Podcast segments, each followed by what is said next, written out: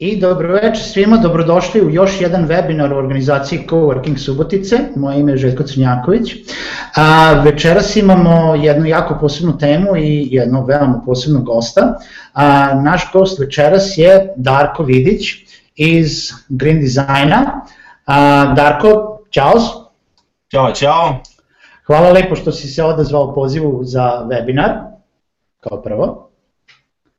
A, a naša, naša večerašnja tema je um, online preduzetništvo prvo kao takvo, a m, detaljnije kako je to biti online preduzetnik u Srbiji.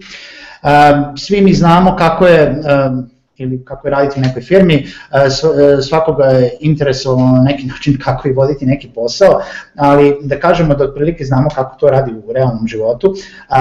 E, online vođenje posla je nešto malo drugačije, ima tu mnogo, mnogo stvari na koje treba misliti i uh, mnogo stvari sa kojima treba u stvari krenuti uh, određenom, određenom energijom o, i određenim mindsetom kao takvim. Uh, pa ja ću kao prvo pitanje da postavim Darko, da li je online poslovanje isto što i freelancovanje? Pa, znaš kako, a, po defaultu, po nekoj teoriji, to nije ista stvar, ali je, jeste jako slično. Zato što freelanceri, odnosno slobodnjaci, jel te rade na internetu i preko interneta, a online poslovanje bilo koje firme se u principu zasniva na, na istim principima. Znači, istim kanalima prodaja se dolazi do klijenata, e, istim e, stvarima se jel te, izlazi na tržište, znači preko interneta, Uh, tako da jeste slično, ali nije isto.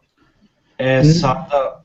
Naravno, ali kad bi, kada pričamo o razlici između freelansa i preduzetnika, imamo tu da kažemo i da kao preduzetnik, kao neko ko vodi pravu i realnu firmu, ti imaš puno više posla nego kao uh, freelancer koji brine samo svojim financijama i tako dalje. Ima tu knjigovodstvenih problema, ima tu pravnih problema kako napraviti firmu i tako dalje.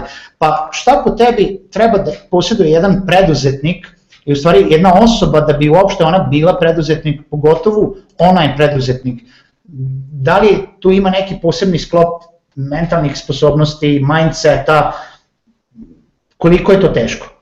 Da, pre nego što te odgovorim na to pitanje, da odgovorim samo ukratko na prethodno, e, pošto ga očigledno nisam dobro razumeo. Dakle, e, stvar je što se u Srbiji poistovećuje preduzetnik sa freelancerom, jer e, freelanceri nisu prepoznati u zakonu i mnogo freelancera, znači dizajneri, programeri koji rade od kuće o, i, i mnogi drugi fotografi, nebitno, se registruju kao preduzetnici da bi mogli da rade. Znači, samo eto ukratko na to pitanje da odgovorim. A, što se tiče samog preduzetništva u Srbiji, ne samo online, nego i offline, čovjek treba da ima debele živce a, i treba da bude dovoljno pozitivno lud.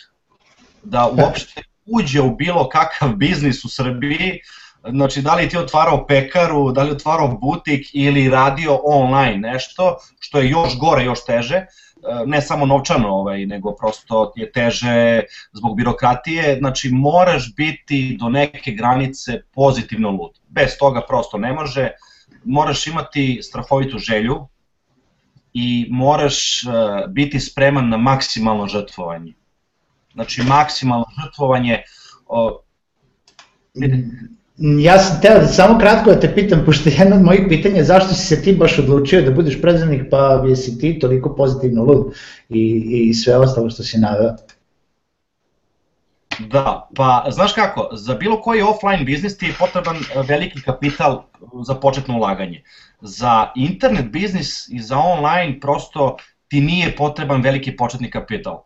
A ja sam lično počeo se bavim uh, uvek sam voleo tehnologiju i uvek sam voleo da kažeš biznis. Ja, ja evo jedna mala anegdota, kad sam bio mali, ja sam uzimao od oca novac, išao u radnju po, dve kuće od nas, kupovao čokoladice, piće i to i napravio mali štand ispred, ispred kuće i prodao. Tako da sam uvek sam imao tog nekog, nekog da kažeš, smisla za biznis, voleo sam to i po prirodi sam onako dinamičan, malo čovek, Uh, tako da negde tamo na, na fakultetu, na prvoj godini fakulteta sam već počeo ozbiljnije da razmišljam da pokrenem nešto i prosto sam uzeo sa najbližim okruženjem, pričao šta fali u Srbiji, šta uh, treba uraditi i onda smo počeli sa Green Designom, to je prvi, prvi projekat.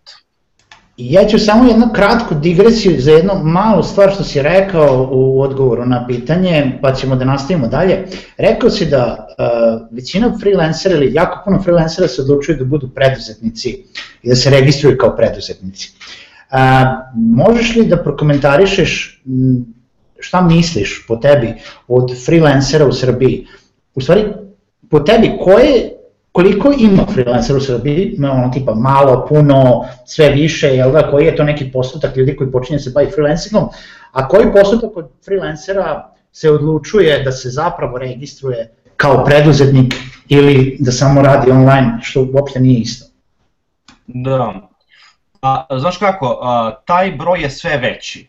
Znači, njih uopšte nema malo, Ja sad ne mogu da kažem tačnu cifru, ja mogu da dam podatak da je sad blizu 7500 dizajnera na Green Designu ovaj, registrovano iz celog regiona, uh, najviše iz Srbije. Ako na to do, dodamo fotografe, dodamo programere, prevodioce, taj broj uopšte nije zanemarljiv. Uh, e sad, od njih ko se odlučuje za registraciju kao preduzetnik, ja nisam siguran, ne verujem da je uh, neki veći procenat, ali oni koji žele legalno da rade, oni se odlučuju na taj korak jer ne mogu drugačije da legalno naplaćuju. Uh, ovi drugi uh, prosto uh, primaju uplate, ne prijavljuju poreze što jeste veliki problem, uh, izbegava se jel te ovaj plaćanje do, dažbi na državi, tako da oni uglavnom idu tim kanalima gde nisu registrovani kao preduzetnici.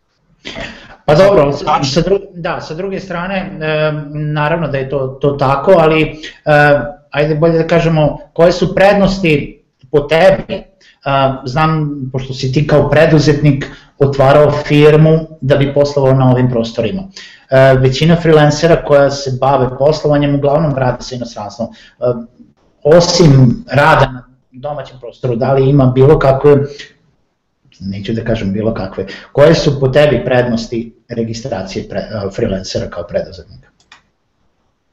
Uh, znaš kako, mi smo morali da se uh, registrujemo ne kao preduzetnik, nego već kao DO, znači ja sam direktor DO-a, odnosno firme, prosto je, je, da bismo imali takvu platformu, takav servis na internetu, mi smo to morali. Uh, freelanceri svakako oni koji se odluče da se registruju kao preduzetnici, to rade dakle, najviše da bi sebi isplaćivali platu ako žive i zarađuju od toga, znači da bi sebi isplaćivali taj, da kažemo, paušal, platu, na koji idu doprinosi i znači za penziono, za zdravstveno i da bi mogli da manje plaćaju troškove kada nešto naplate iz inostranstva. Da, Generalno, dobro. Jer ti recimo, evo samo dam primer, ti recimo si uradio e, nešto si uradio na 99 Designsu ili, ili uh, Elensu i zaradio si 100 eura. Neko je preveo neki tekst i zaradio 100 eura. I kad dođeš tih 100 eura, ti moraš da obračunaš, platiš poreze državi nekad čak i blizu 50% od toga. Znači ti, ti maltene trebaš 50% da, da daš državi, što je suludo. I ja podržavam sve ljude, sve freelancere u Srbiji, ja maksimalno podržavam, ovaj, dokle god država ne promeni svoje sulude zakone. Um, I zbog toga je možda nekad bolje, e, pošto nisu prepoznati u zakonu, Hrvatska recimo ima, ti se registruješ u APR-u kao freelancer, dobijaš svoj PIB, ali znači jasna je distinkcija između preduzetnika i freelancera Znači, jako je e, velika razlika. Tako da uh, u Srbiji onaj ko hoće da ima manje te troškove, da prosto manje plaća, on otvara preduzetnika, mada to je možda bilo, ja ne znam, do pre mesec dana, mesec, mesec i po, ne znam, jer uh, su javili da je nova vlast podigla strahovito uh, dažbine za preduzetnike. Ja imam barem 10 prijatelja koji su gasili svoje preduzetničke, preduzetničke radnje Tako da je i to sad veliki problem, nije to više ovaj za normalno poslovanje kao što nekad bilo. Da, da, nažalost je tako. E, no dobro, da nastavimo dalje. Pa, e, koji su to tvoje projekti koji si odlučio i s kojima se ti trenutno baviš kao online preduzetnik? Da, pa dakle, kao iz uvoda što si napomenuo, e, prvi, prvi naš online projekat jeste Green Design. To je najveća regionalna uh, online platforma za dobijanje dizajna, odnosno gde mi spajamo dizajnere sa klijentima kojima je potreba neki dizajn. Uh, tu imamo preko 7000 registrovanih dizajnera iz celog regiona, uh, imamo oko 2 miliona i 300 hiljada dinara isplaćenih dizajneri, dizajnerima, uh, neki dizajneri jako lepo žive od nas, tako da, dakle, mi, uh, mi omogućamo kompanijama, naročito malim i srednjim uh, kompanijama, da dođu do kvalitetnog dizajna na jedan lak, novi, jednostavan način online. To je prvi projekat koji sam pokrenuo sa svojim prijateljima i saradnicima, da bismo skoro pre možda jedno 3-4 meseca, ali napominjem nakon dugo istraživanja i dugog rada smo pokrenuli Diruru, to ona bi trebala da bude najveća regionalna, najveće regionalno tržište za kupovinu i prodaju ručno rađenih stvari, unikata, rukotvorina. Tako da to su za sada dva moja i mojih saradnika, dva velika projekta na kojima radimo i treći je hobi, znači to što nije biznis, nije projekat, to je Cars, gde mi skupina entuzijasta e, pokušavamo da radimo autotestove na jedan novi način, pošto svi mi koji smo se okupili tu volimo, recimo tu je moj prijatelj Vladimir Nikolić koji je e, osnivač i direktor Limunda, e, on isto voli automobile, njegov brat i ja i tu su još neki ljudi, tako da mi uh, smo pokrenuli taj sajt uh, i te testove radi čisto iz hobija, pa ćemo vidjeti dok će to doći. Kaži mi Darko, ovaj, da bi se pokrenuo neki biznis, obično eh, jel da treba to neko, kao što si ti rekao, početno ulaganje, eh, kad je u pitanju online eh, biznis, to nije toliko veliko kao um, kada je u pitanju neki biznis uh, otvaranja kancelarije ili, ili registrovanja radnje ili nabavljanja nekog materijala, uh, ali opet jeste potrebno neko ulaganje.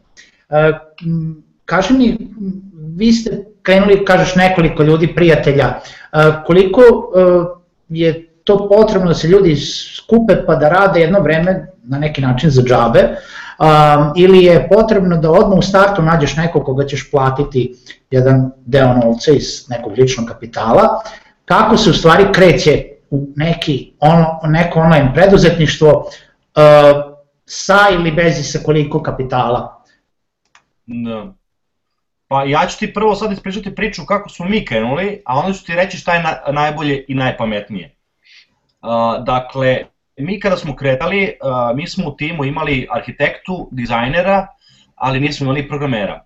Tako da uh, mi smo radili kompletno uh, dizajn sajta, ali smo morali naći programere i platiti ih da to sprovedu u delo. Tako da smo imali ulaganje u, u programere imali smo neke e, mini troškove, što ih ja zovem, to su dakle hosting, domen, to je sve zanemarljivo, i samo otvaranje firme, znači samo otvaranje firme i mesečni troškovi.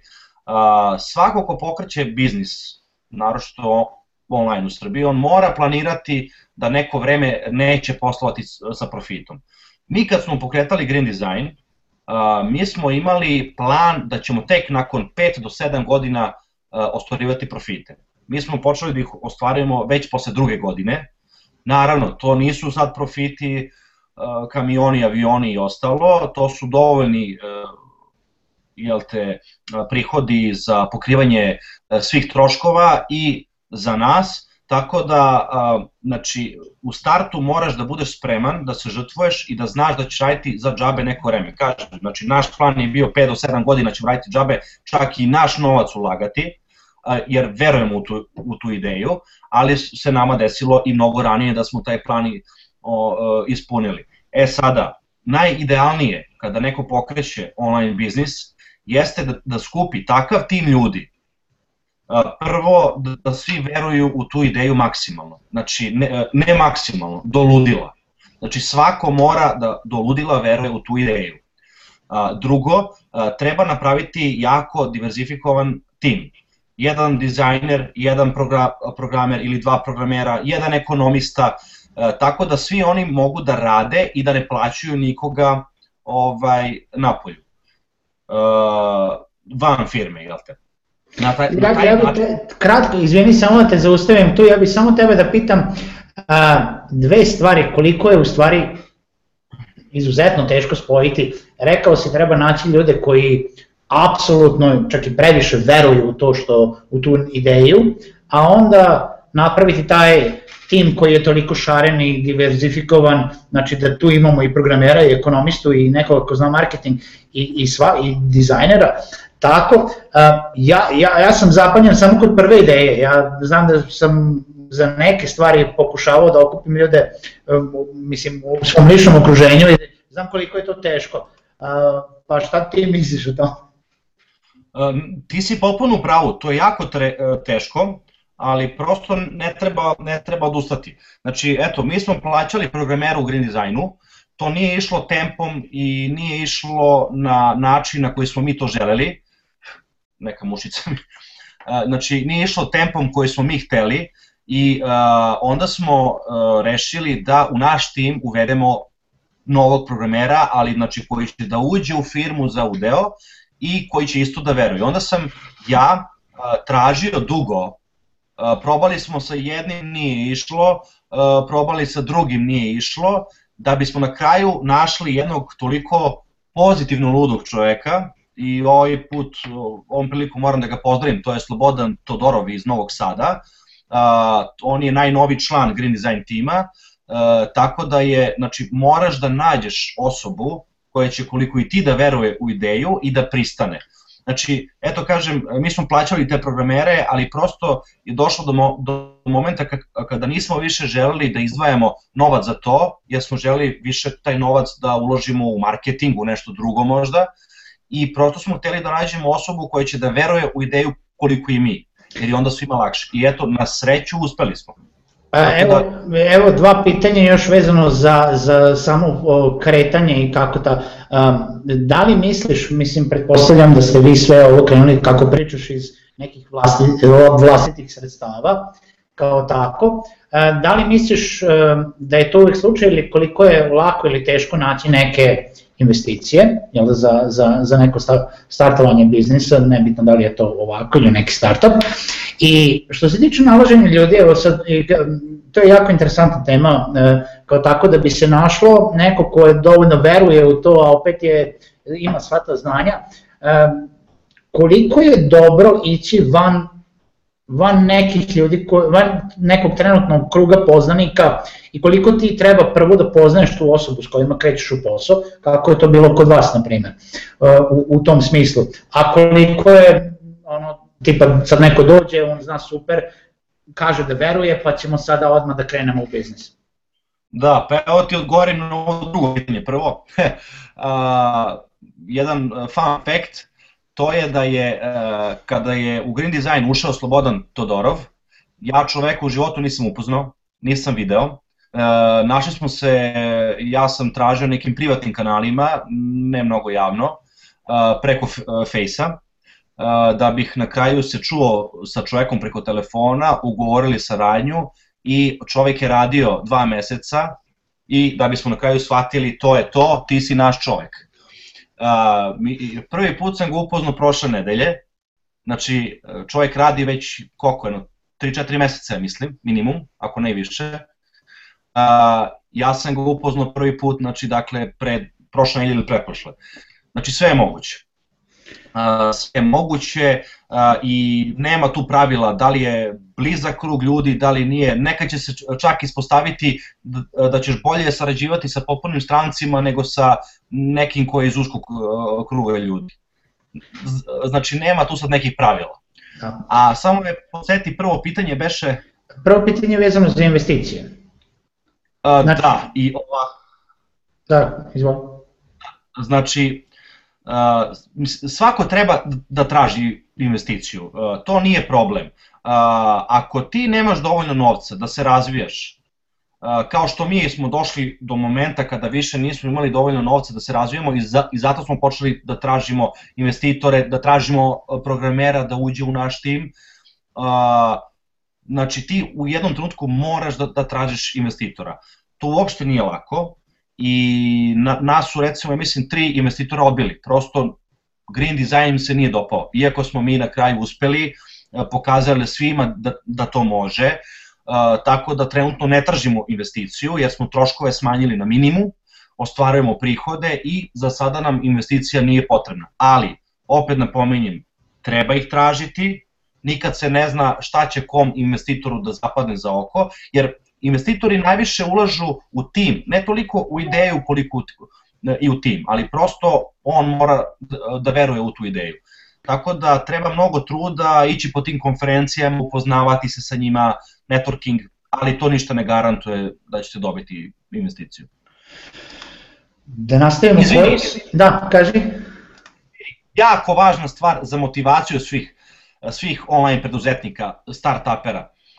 Ako vi negde na početku, bliskom početku, sastanete se sa nekim investitorima i oni vam kažu mi, mi nećemo da uložimo u vašu ideju, mi u to ne verujemo. To vas može jako da demotiviše. Najveća poenta je da vas to ne, ne demotiviše. Znači tu ne smeš da padneš nego da nastaviš još gore.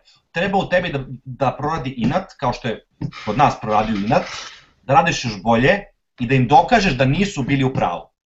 E, to je point. Dobro, dobro, svakako. Darko, koji su, pošto si online preduzetnik u Srbiji, koji su a, najčešći, a koji najveći problemi s kojima se suočavaš u svom poslovanju? Uf, problema je mnogo. Prvi problem je okruže, okruženje, koje te stalno demotiv, demotiviše i isputava. Znači, i zato ja kažem, prvo pravilo u biznisu je da sve oko sebe oteraš da se tako izražim, u tri lepe i da nikog ne slušaš, da slušaš samo sebe. Da sam ja slušao ljude oko sebe, nikad design ne bih ni pokrenuo, niti diruru, niti bilo šta. Znači, to pod jedan. Pod broj dva imamo zakone iz 16. veka, imamo birokra, birokratiju iz 16. veka, uh, imamo Narodnu banku Srbije, koja je najveći kočničar srpskog ovaj, uh, preduzetništva i uopšte srpskog pro, prosperiteta, jer svaka firma da bi poslovala mora da ima banku, a banke postupaju po pravilima Narodne banke Srbije. A Narodna banka Srbija pobija prosto sve zakone i o pečatu i o ne znam Paypal i o svemu, o platnom prometu, da sad e, ne ulazim u tematiku duboko. E, tako da e, to su neki najveći problemi i naravno naplata, sama naplata, ali i to se sve može zaobići, o čemu ćemo kasnije kroz neka druga pitanja. A kaži mi, imali prednosti Brada kao online preduzetnik u Srbiji? Uh, pa, znaš kako, uh, ima, uh, ima, a to je um, jeftinija možda radna snaga, jer ne bi uh, neke velike firme bez veze dolazile u Srbiju i otvarali ovde predstavništva, uh, ili barem ovde koriste radnu snagu, a haku im je negde drugde. Uh, tako da to, drugo, u Srbiji ima zaista dosta talentovanih ljudi. Talentovanih, pametnih i bistrih ljudi, koji ne mogu mnogo da dođu do izražaja, i koji dosta rade za strane firme, što kažeš i freelancuju i drugi ih outsourcuju. Znači, na jednom mestu imaš veliki skup edukovanih, obučenih ljudi koje možeš jako lepo. Da, u principu možeš ih je lako zaposliti zato što nemaju boljeg posla. Jel da? Tako je, ali u odnosu na svet nema previše, ovaj, nema previše prednosti. Prednosti. Iskreno. Kaži mi nešto o sistemima naplate a, u Srbiji prilikom online poslovanja.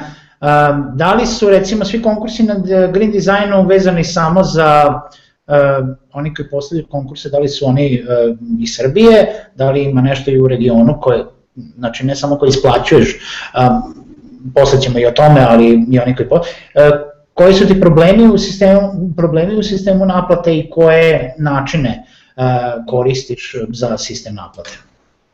Da, uh, znaš kako, uh, mi kad smo počinjali, Mi smo imali isključivo dva načina uplate. Ako iz Srbije, uplata preko uplatnice što bi rekli, znači na račun firme, sad kasnije kad kad se pojavio e-banking i kad je to malo zaživelo, ljudi ne moraju da idu u poštu, nego plate preko svog e-bankinga, ali to nije plaćanje karticom, znači nije klasično online plaćanje, a, a stranci su mogli isključivo na devizni račun, što je jako skupo, ali eto, ovaj, neki su čak i pravili. Znači imali smo klijente iz Bosne, iz Hrvatske, jedan iz Slovenije, gde su ljudi plaćali na devizni račun.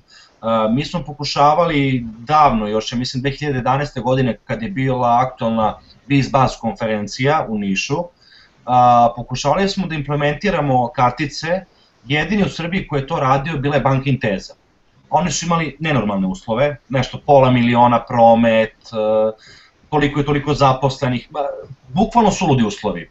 Tako da neko vreme nismo mogli. E onda se pojavila jedna super firma, Aseko, koja je napravila svoj projekat e, e-services.rs, odnosno MS, i oni e, su vendori za banku Intezu. E, ti, dakle, kao firma, sa njima pregovaraš i sa njima ugovaraš i uslovi su jako mali, ništa nije skupo, ni provizije od transakcije nisu skupe, ni implementacija, znači zaista je jako lako za implementirati, a onda oni rade preko bank Inteze. Tako da smo mi pre, ja mislim, ne znam tačno sad, ja mislim pre jedno dve godine, uveli plaćanje karticama, to, to je baš živnulo. Znači, konkursi iz inostranstva su krenuli, počeli su i neki čak iz Kanade, iz Mađarske, imali smo čak i dizajnere iz Grčke koji su plaćali, pošto smo mi u beta fazi otvorili registraciju za sve, o tome ću nešto malo kasnije. Tako da a, smo potpuno postali online biznis kad smo implementirali platne kartice. Znači kada svako može svoje fotelje u tri klika da plati. E sad ja ću tebi da postavim jedno od verovatno pitanja pre svih ostalih, pošto već radite po, sa karticama online, e, mi svi znamo da u Srbiji postoji e, jedna velika muka koja se zove papirologija. E, kaži mi, e, koji su, mislim, na koji način ti rešavaš ugovore sa klijentima, sa, sa onima koji plaćaju iz inostranstva, da li rešavaš ugovore sa svakim klijentom posebno ili je to rešeno preko nekog ono, general terms and services putem sajta, znači prvo za klijente pričamo, znači Da. Znaš kako, ja kao veliki inađija, i kao veliki borac za dovođenje 21. veka u Srbiju, u momentu kad smo pokretali biznis, uh, moralo je da bude sve online. Znači, nikakav poseban ugovor se nije pot, pot, ni sa kim. Mi smo napravili uh, naše uslove korišćenja, odnosno ugovor, terms. Uh, svako ko, ko se registruje na sajtu dobija mail gde se slaže ili ne slaže sa tim uslovima, odnosno ugovorom, ako se ne slaže nikom ništa, ako se slaže, njegov nalog će biti aktiviran. Dakle, onog momenta kada je njegov nalog na našem sajtu aktiviran, on je potpisao ugovor. Kao da ga je potpisao i pečatirao. Isti efekat.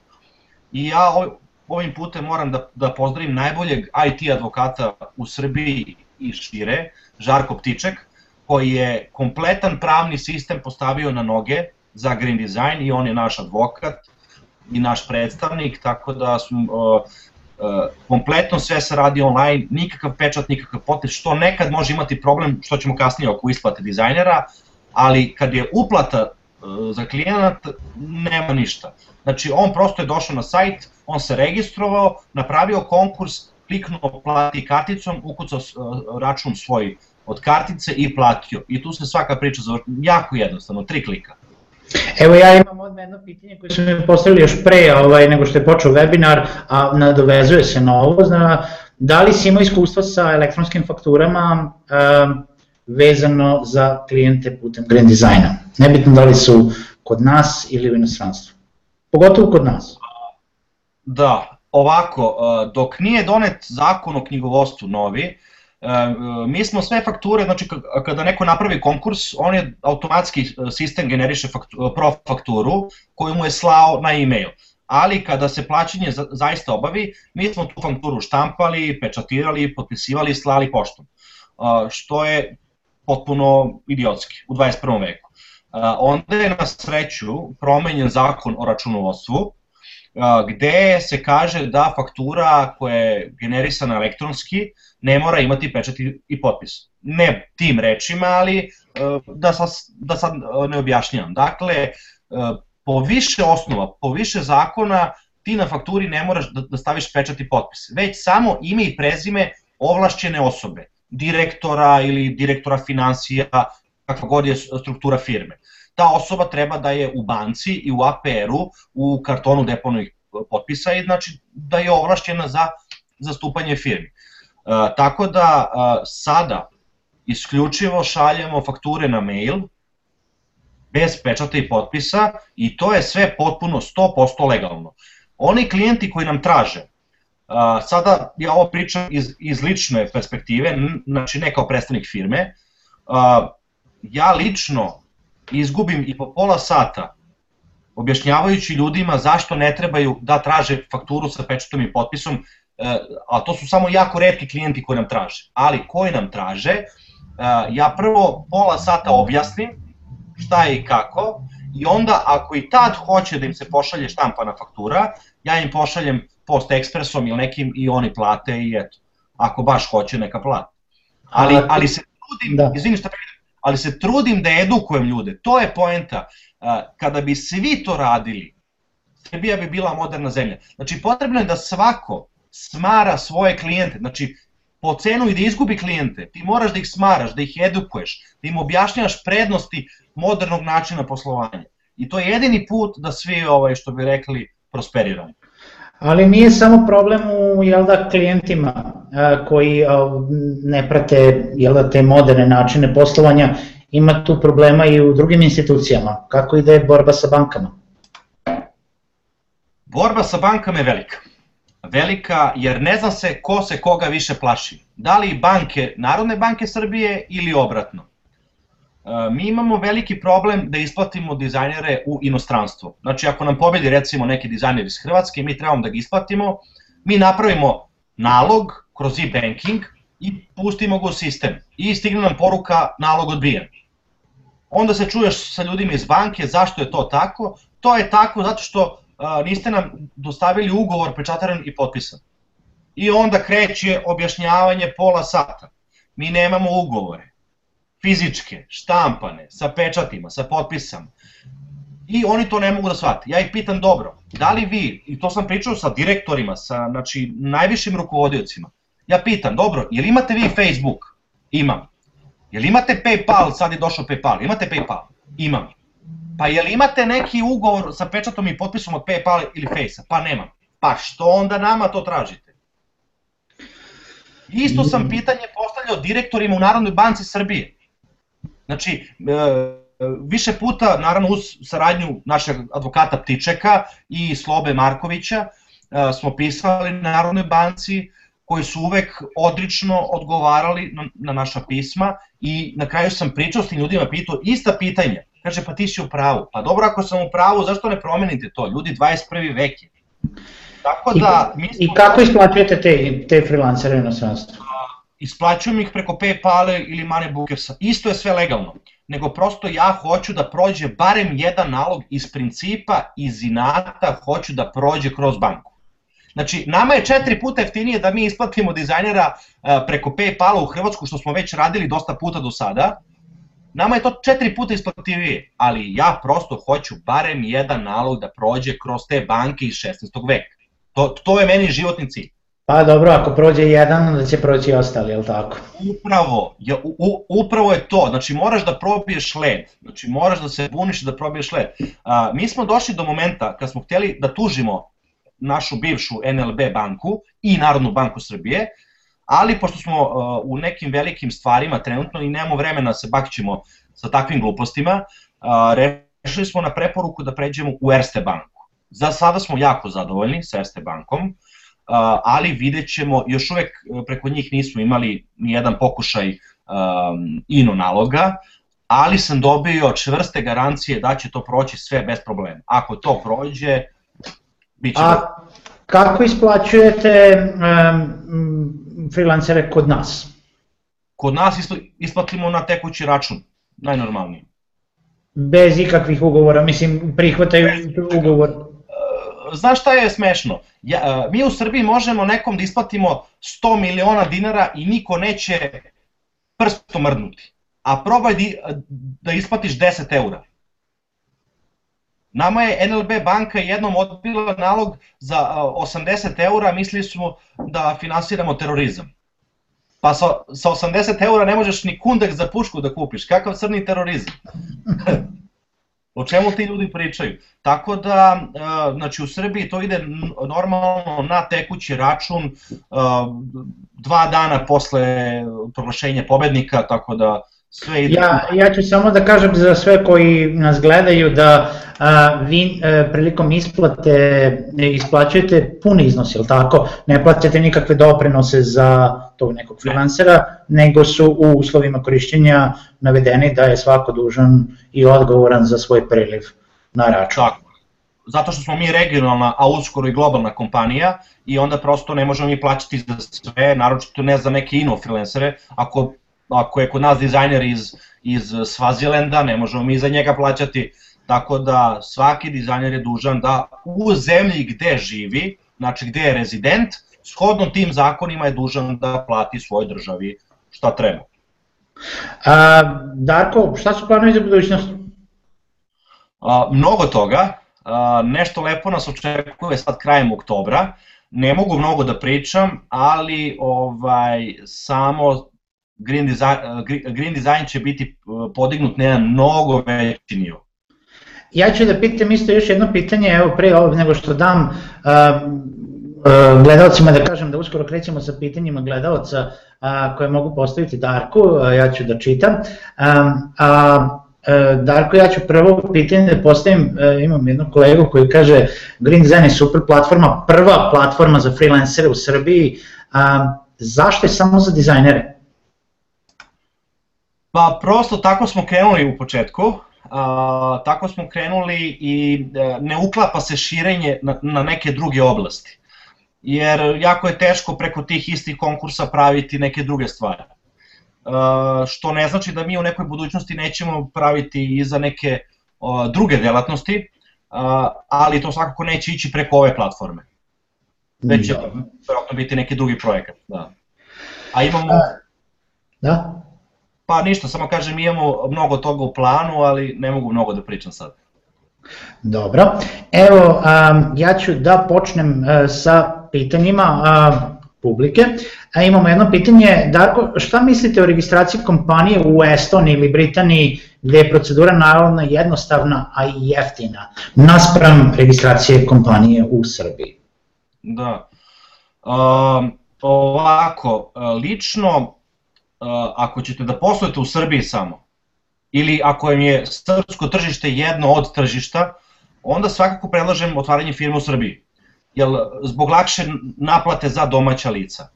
Ako vam srpsko tržište uopšte nije interesantno, apsolutno nemojte da razmišljate da pravite firmu u Srbiji. Za Estoniju ne znam, čuo sam dosta, čuo sam dosta toga lepoga o njima, pogotovo što su zemlja sa jako brzim internetom, mislim sa najvećim u, u svetu, nisam siguran, uh, velikim brojem start-upova po glavi stanovnika, ali kažem ne znam kako će kod njih otvara firma, znam da se u Londonu online može za dva sata uh, otvoriti firma za, ja mislim, da li 50 funti ili 75 funti. Tako da, i onda možda radiš šta hoćeš, da primaš Paypal, da primaš bilo šta. Tako da, znači svakako otvarajte firme u inostranstvu ako se bavite globalom, a ne Srbijom. Ako hoćete se baviti i Srbijom, onda predlažem ipak ovde firme. E, dobro, evo drugo pitanje je e, konkretno vezano za green design. E, kada smo pričali vezano za investicije, pričali smo o tome jel da, odakle su došle, da li su tražili investitore, koliko je konkretno, ako, ako hoćeš da kažeš, ili bila potrebna investicija za, za green design? Uh, za green design mi smo tražili uh, između uh, 50 i 30 i 300 hiljada eura E sad, u zavisnosti za koji period. Tražili smo 300.000 eura za petog, petogodišnji plan, u što je uključeno mnogo toga. Ali, to je naravno velika cifra za velike poduhvate. Vi za početak, mnogi akceleratori daju oko 50.000, između 20 i 50.000 eura za između 5 i 7% firme. Do 10% firme daju. Tako da, opet, sve zavisi šta kome treba. A kaže mi Darko, evo ja ću da se nadovežem na pitanje, u kom, tvoje mišljenje, znači tvoj savet za bilo koga ko želi da počne neku ideju, startup ili firmu, u kom momentu razvoja treba tražiti investiciju? Uh, pa... Da li je to rad, rad u, na, kad već imamo ideju ili treba da imamo nešto već operativno ili treba da imamo nešto između toga, Da, ja svakako verujem i stojim iza stava da se mora imati nešto operativno. Jako je, barem po mom iskustvu, možda grešim, ali po mom iskustvu mali broj samo ideja dobije investiciju. Uglavnom investitori biraju neki gotov proizvod ili makar da je blizu završetka. Jer investitor ne ulaže samo u proizvod, on, on ulaže u tim on hoće da vidi da vi možete dobro da, da sarađujete zajedno, da vi možete da razrađujete tu e, ideju, da je skalirate i ovaj, tako da ako imate samo ideju na papiru, redko ko će uložiti novac. Što ne znači da se to ne dešava, ali ovaj, a opet će ljudi sami znati kada traže investiciju, to je dakle kad počnu da ga rade, kada su uložili neki svoj dinar, kada vide da tu postoji prostor za napredovanje, ali im fali fali mali guru leđa, da se tako izrazim. U svakom slučaju možemo da preporučimo svakome ko želi da razmišlja o startupu ili početku svoje firme, ima sad već investitora u Srbiji, ima startup akceleratora, tu je Startup Akademija, pogledajte starti.rs, sve ove linkove ćemo dati u a, a, komentarima ispod YouTube linka. Kada bude sledeće pitanje, Darko, a, za Green Design, da li vam je potrebna fiskalna kasa za poslovanje? Ne, hvala Bogu nije. E, zato što nećete verovati u Hrvatskoj koje u Evropskoj uniji njihovi web shopovi, online firme moraju da imaju fiskalnu kasu.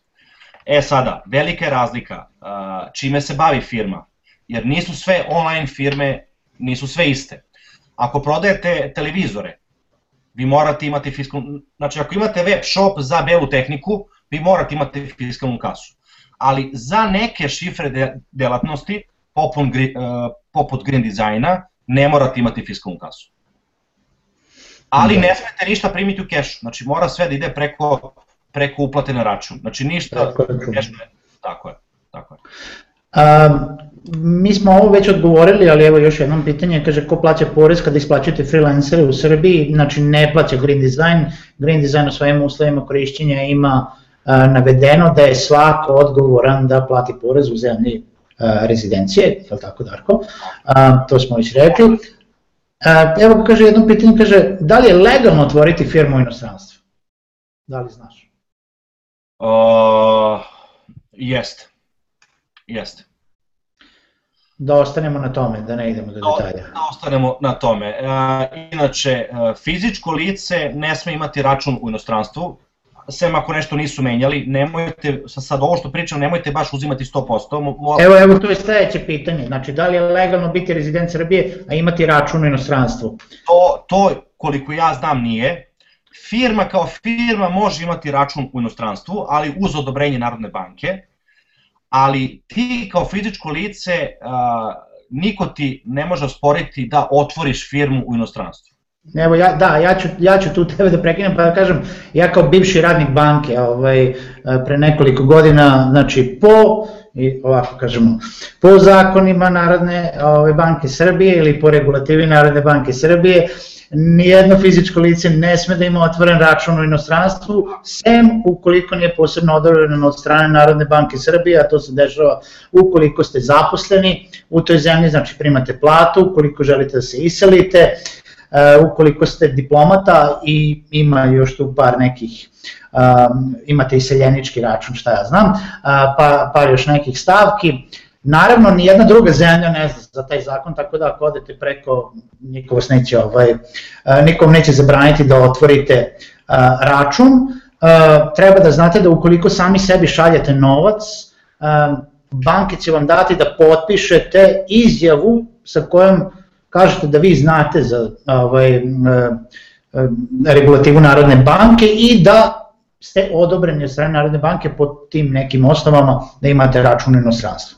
Znači to je samo ukoliko sami sebi Šapera Petrović sa, iz, ne znam, Matka Vukovića, broj taj i taj Subotice, šalje Peri Petroviću, Matka Vukovića isti broj, znači onda će znati da šaljete sami sebi novac. Ajmo dalje, sledeće pitanje, kaže da li neko zna dok je stigao predlog zakona za oporezivanje freelancera, stopirali smo ga letos, znamo za jedno udruženje koje je stopiralo taj zakon u Novom Sadu. Darko, da li ti znaš možda nešto vezano preko Slobe Markovića ili tako dalje, nešto vezano za oporezivanje freelancera? Uh, iskreno vezano za oporezivanje freelancera ne znam mnogo toga, znam sam, jer ne možeš ti njih posebno da oporezuješ ako oni ne postoje u zakonu. Ja znam da se pisao zakon i o privrednim društvima koji je trebao da ima uključeno u, u sebe takozvan freelancer ili slobodnjak. Znači, trebala je da postoji kategorija oblika poslovanja freelancer. Znači kao što imamo DOO, ortačko društvo, komandito društvo, imamo i freelancera, pored preduzetnika. To nije ušlo u, u zadnji zakon, u zadnju izmenu zakona, na tome se radilo, bile su neke radne grupe koje su to radile, to je sve stalo, kada će biti nikom nije jasno i nije ošte jasno zbog čega se čeka sa tim, jer kada bi država napravila zakon za freelancere, smanjila poreze koje oni plaćaju na neku normalnu granicu, njihova nap, državna naplata bi skočila za 1000%. Evo ja ću tebe da pitam, ja, ja se sećam jednog predavanja koje si držao pred dosta godina, našao sam negde link na internetu, ne mogu sad tačno da se setim koji je skup bio u pitanju, ali je vezano za freelancere. Ti imaš neka iskustva ili saznanja, na primer kako je u zemljama u okruženju, kako su registrovani freelanceri i koliko oni u stvari plaćaju? Da li je to Slovenija, Češka? Bio si nešto Slovačka, to je Slovačka. A, to je kompanija Green Design u saradnji sa kompanijom Krojač, svi su čuli za Krojač, web škola Krojač iz Beograda.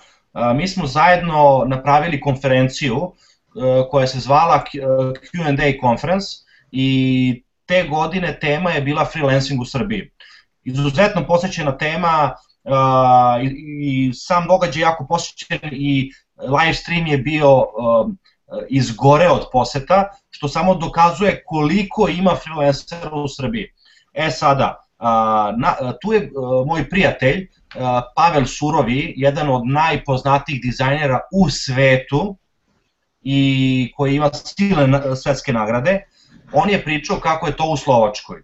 U Slovačkoj ti se registruješ kao freelancer, znači kao fizičko lice, dobiješ svoj identifikacioni broj, PIB, da tako kažem, i ti radiš šta hoćeš, gde hoćeš, kako hoćeš.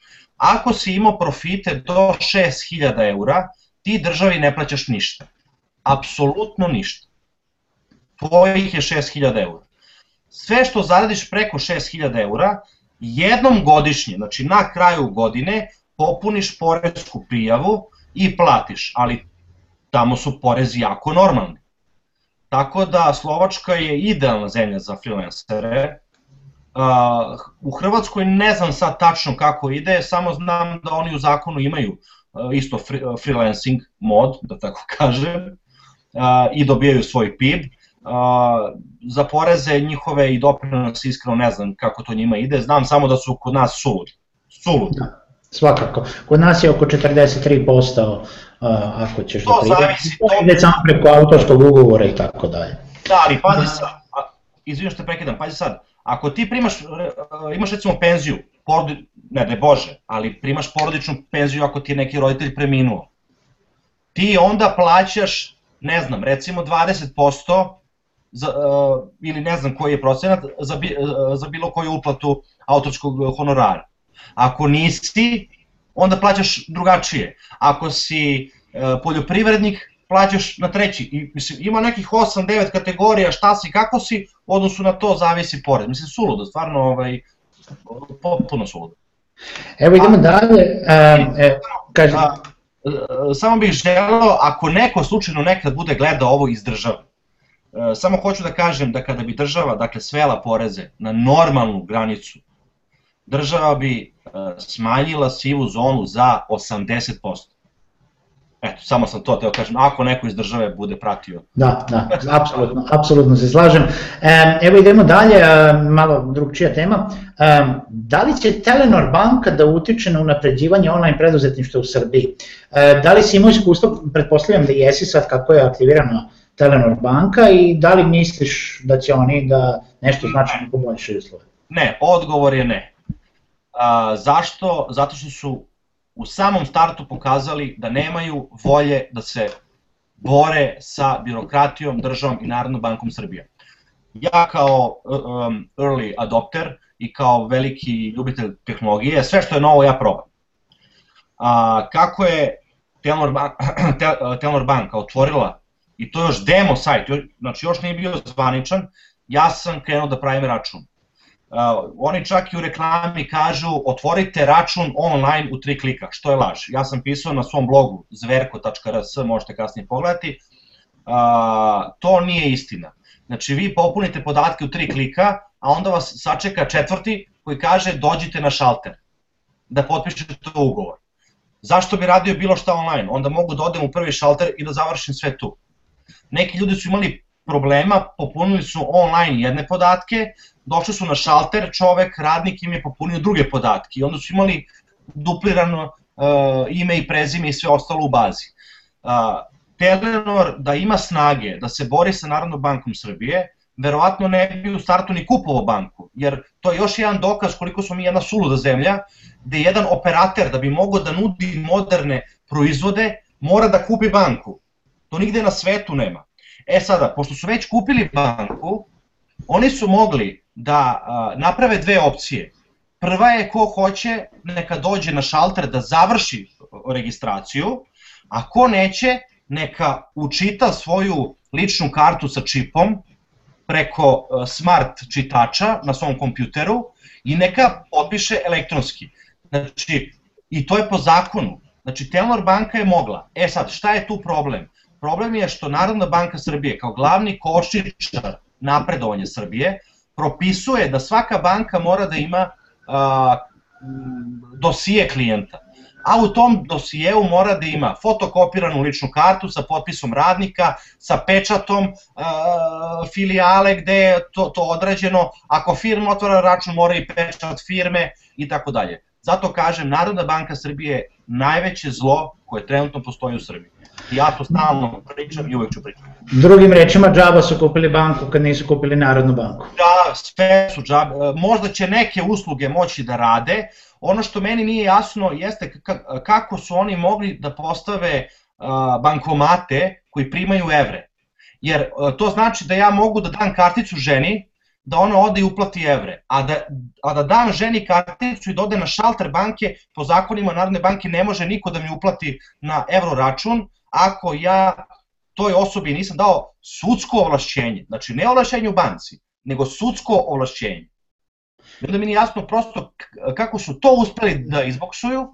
Ja ću, izvini, ja ću da te prekinem, da bi neko tebi uplatio devize na račun, naravno ne može, zato što je valuta zemlje dinar, ali ako hoću recimo ja da ti uplatim devize na tvoj devizni račun, potrebno je da obo imamo dovoljno bančino ovlašćenje na taj račun, ali kada kažemo ovlašćenje, to je isto kao kad daješ ženi, što znači da ti meni daš ovlašćenje da mogu i da vadim pare, onda mogu da ti uplatim pare.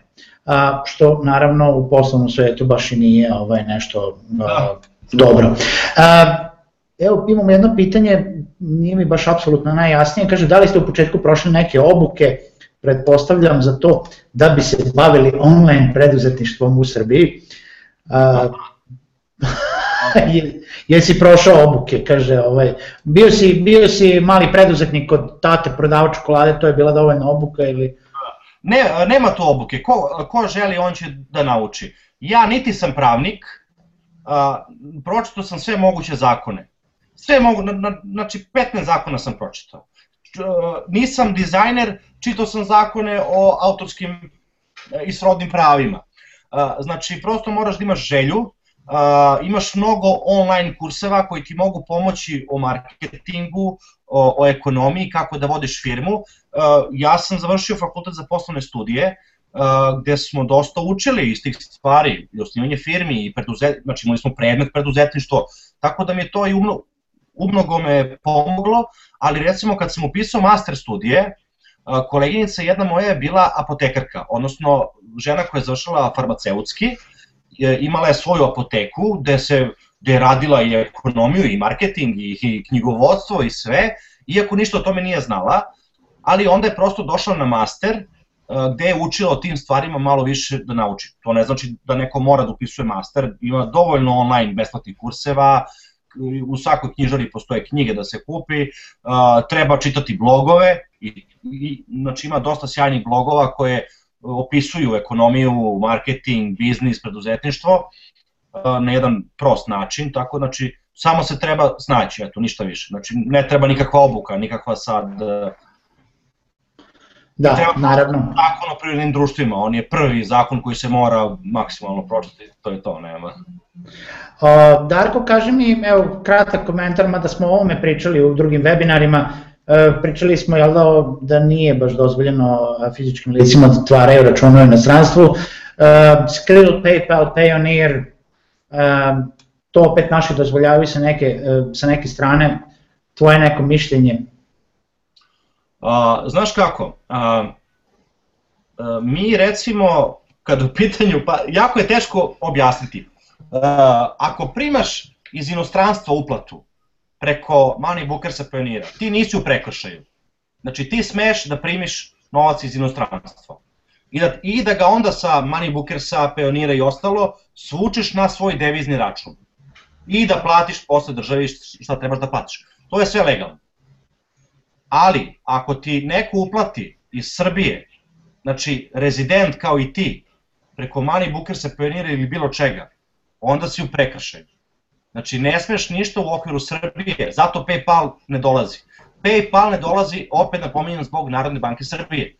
Jer ako ti, koji si iz Subotice, sa svog PayPal naloga uplatiš na moj PayPal nalog koji je u Srbiji, I ti i ja smo u prekršaju, kršimo zakone Srbije, odnosno Narodne banke Srbije. Razumeš? Ali ako ti iz Nemačke meni uplatiš, onda je sve ok. Onda nik... I zato mi nikad nismo implementirali plaćanje Money Bookersa na Green Designu, nego smo išli kompletno domaće rešenje e, MS preko kartica, gde nam sve leže u dinarima i gde nema problema. Evo, pita, imamo jedno gledalce koji pita, kaže, navedite mi nekoliko online kurseva koji su besplatno povezani su sa ovom tematikom. E, ja mislim da ne postoji online kurs za kako biti preduzetnik u Srbiji, evo, mi na neki način to pokušavamo ovde da kažemo. Da li ima nešto, da, da li ima nešto što bi preporučio kao online edukaciju e, vezano za temu preduzetništva e, ili, ili recimo startupa, ajde bolje da kažemo tako. Da, izvini, samo za početak jedan blog post moj i ja pišem o tim stvarima i jel mogu da vide ovo? A, samo no. ne, ali ja ću sad odmah da to stavim. E, ti skopiraj, ti skopiraj to. Za kurseve kažem, ja lično nisam toliko tražio, ali ih ima, ali stvarno ne znam. Znači, ako, ako nađem, vidjet ću da ih objavim na Twitteru ili Faceu, pa me pratite tamo pa vidite. Dobro, i evo, ja bih sa ovim pitanjem završio, a pitanje je isto tako. Kaže, Zdenko, da li bi ikada zaposlio Jorgo Tabaković kao stručno konsultanta u Grand Designu?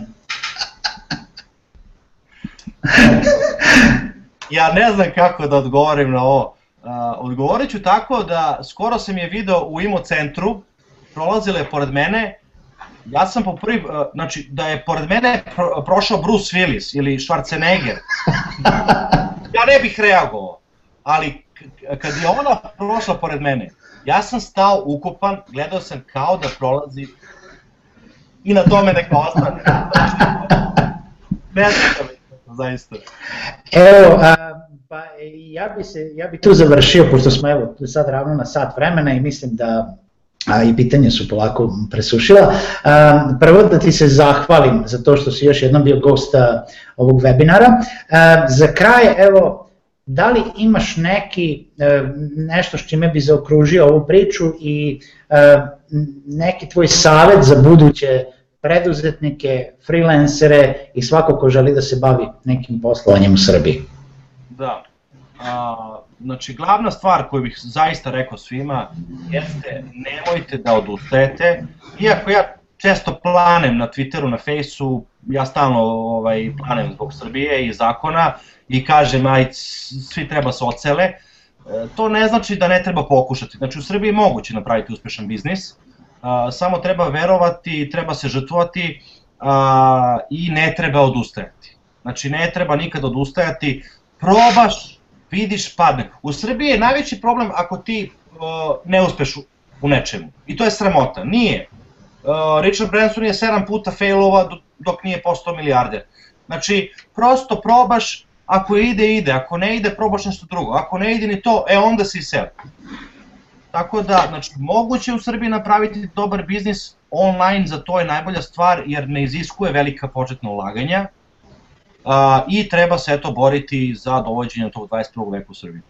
Sa tim bih Dobro, naravno, svi treba da radimo na tome, a bitno nam je da idemo, imamo i ljude koji su voljni da, da pričaju o tome, kao što si ti, kao što je Slovo Marković, kao što je Žarko Ptiček i mnogi, mnogi drugi. Takvi, još jednom, kažem, želim da se zahvalim, želim da se zahvalim i svim gledalcima koji su danas bili uživo sa nama i postavljali pitanja. Ovaj webinar će kao i uvek biti okačen na našem YouTube kanalu Coworking Subotica želim da vam poželim laku noć, e, možete nas naći na, to jest, e, na nekim od sledećih adresa.